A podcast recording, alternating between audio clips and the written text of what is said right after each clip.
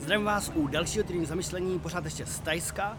A my jsme teďka na ostrově uh, Kopipy, na, je to, jsou to dva ostrůvky, nebo takový menší ostrovy. Uh, je to moc krásně, je to uprostřed vlastně jako moře a uh, je to malý, nejsou tady ani silnice, jsou tady jako, jako pěší vlastně pochůzkový túry okolo toho a všude se musí dostat lodí. Ostrov Kopipy vlastně byl proslavený hlavně filmem Pláž, který je tam někde za mnou, zádu, takový menší ostrůvek. Od té doby tam přišli množství lidí, ale uh, musím říct, že další tip na to, jak se vyhnout, pokud se chcete vyhnout v létě uh, chorvatským a španělským přeplněným plážím, tak tady v zásadě jako v tuhle dobu není moc lidí, pláže jsou v podstatě prázdný, je tady velmi příjemný počasí a cenově je to hodně příznivý. S tím, že, s tím, že Samozřejmě nám tady třeba jeden den pršelo, bylo to jak v pekle, to je pravda, ale ty ostatní dny je nádherně, ale opravdu jako nádherně, to fakt ráj. Takže uh, tohle k tomu ještě jednu jako zajímavou věc.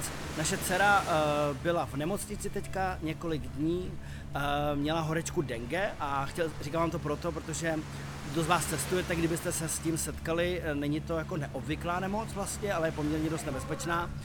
Nicméně Ona už dneska z nemocnice, byla tam tři dny a pět dní předtím už tu horečku měla.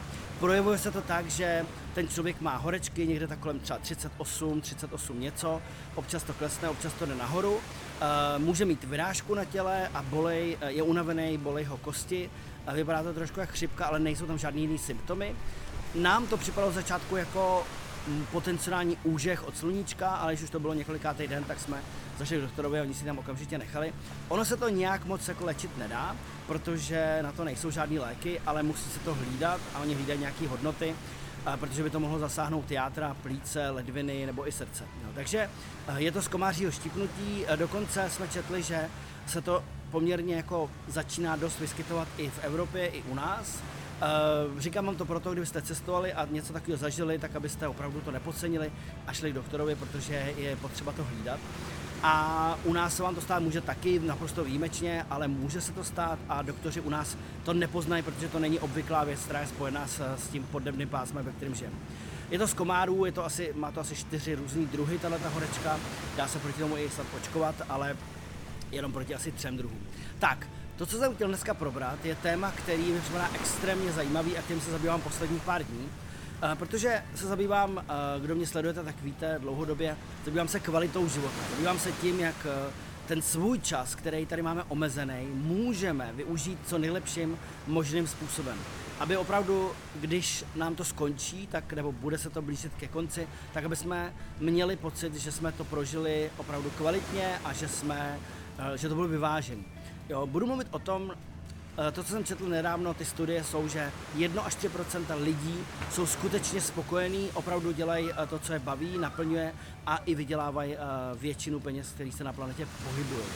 A proč vlastně o tom mluvím? Já nechci říct, že musíte mít peníze, abyste byli šťastní. To, prosím vás, není to, co tady říkám. Já to, co říkám, je, že potřebujete mít kvalitní vztahy, kvalitní vztah sami k sobě, že potřebujete mít dostatek času si udělat i pro sebe, na to, co vás baví, co vás zajímá. Samozřejmě zdraví na prvním místě, že se říká, že uh, zdravý člověk má milion přání, nemocný má jenom jedno, aby se uzdravil, pochopitelně. Takže je to i nějaký starání se o tělo, ale samozřejmě je to i práce a jsou to i peníze.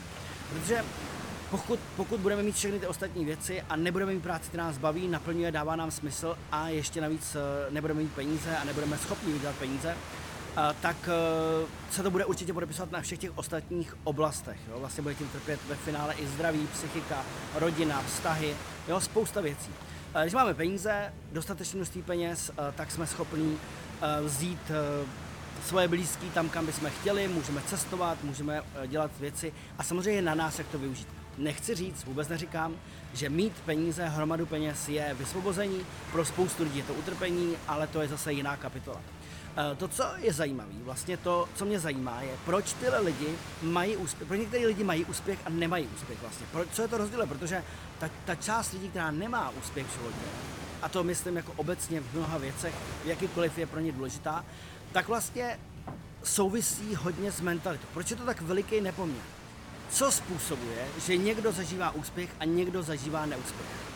Dospěl jsem v poslední době k věci, kterou bych s váma chtěl sdílet, a to je to, že vy nemůžete zažít neúspěch, pokud se proto nerozhodnete. To znamená, když to zkrátím nebo zjednoduším, je to, že ve chvíli, kdy vy jste v horším období, to znamená, když se, když se nedaří úplně všechno dobře, kdy máte nějaký propad, kdy přijdou nějaký problémy, kdy se vám něco nepovedlo, třeba to, co jste předpokládali, že se povede, že to bude takhle a takhle, tak vlastně vy ve chvíli, kdy jste v tom propadu, tak když si neřeknete, že to skončilo, že jste s tím vy skončili, že už se do toho nepustíte dál, že nebudete pokračovat, že nebudete hledat tu lepší cestu, tak v tu chvíli vlastně vy, když to neuděláte, tak nezažijete neúspěch. Protože ve chvíli, kdy si řeknete, ano, já najdu cestu, tohle se nepovedlo, tohle nebyl dobrý způsob a já půjdu dál a najdu ten nový způsob, jak to udělat. Naučím se od někoho, kdo už tím prošel, kdo už to zažil, eh, kdo už v tom měl úspěch. To znamená, že pokud jsem to neudělal, tak jsem ještě někde používal software v sobě, který nebyl dostatečně odladěný. Tak ve chvíli, kdyby si řeknete, i v tomhle propadu já půjdu dál, a půjdu dál a půjdu dál a půjdu dál a půjdu dál, tak vlastně nezažíváte neúspěch, protože do té doby to ještě neskončilo. Neúspěch se rovná, že když v tom slabém bodě, kdy se to nepovede, vy řeknete, já končím, stop, už to nedělám, nepokračuju v tom. To chvíli je to neúspěch. Takže když tohle vidíte, ten, ten jediný, ten, ten malý bod začnete vidět v celku, tak pochopíte, že neúspěch je jenom o vás, že vy se rozhodnete, že nebudete pokračovat dál. I přes všechny neúspěchy. Winston Churchill, moje oblíbená věta, eh, říká, že, nebo říkal, že úspěch je schopnost pokračovat od neúspěchu k neúspěchu bez ztráty nadšení. A tohle je přesně ono. Že vlastně v tom bodě dole to většina lidí vzdává. A vy, pokud nechcete zažít neúspěch, pokud nechcete zažít neúspěch a chcete zažít úspěch, se potřebujete rozhodnout, že tahle věc, kterou děláte, je pro vás tak důležitá, že s ní nikdy nepřestanete, nikdy s ní neskončíte a budete vždycky hledat cestu, jak to udělat lepším a lepším způsobem. Takže, jestli chcete udělat si nějaké cvičení, uh, podívejte se na to, kde v životě stojíte dneska, co vlastně děláte, jestli to, co děláte, je to, co vás naplňuje, jestli je to to, co vás baví, jestli to, je to to, co vás může naplňovat i za pět let, za sedm let, za deset let, jestli v tom máte nějaký cíl, kam vůbec směřujete, jak to zapadá do celého kontextu vašeho života? A jestli vlastně jste schopní tím, jak to děláte, uživit vás, vaše záliby, váš čas, vaše blízký a poskytovat support tomu celému vašemu životu. Pokud to tak není, pak si vemte tušku a papír a řekněte si, co by mě bavilo, jaký druh života bych chtěl žít. Kolik mám ještě času? Možná není špatný si říct, jestliže lidi průměru žijou kolem 75-85 let, tak kolik mám ještě vlastně aktivních let toho života a jak bych je chtěl prožít. Co pro to musím udělat? Jestli ta práce, kterou dělám, je ta, která mě opravdu naplňuje, jestli ne, tak co by to bylo? A začít hledat způsob, jak to změnit. A rozhodnout se, že tohle budu dělat do doby, dokud tom nebudu úplně úspěšný. Tak, tohle je celý, mějte se krásně, zdravím vás Tajska z Kopipy a těším se na další týden zamišlení. Ahoj.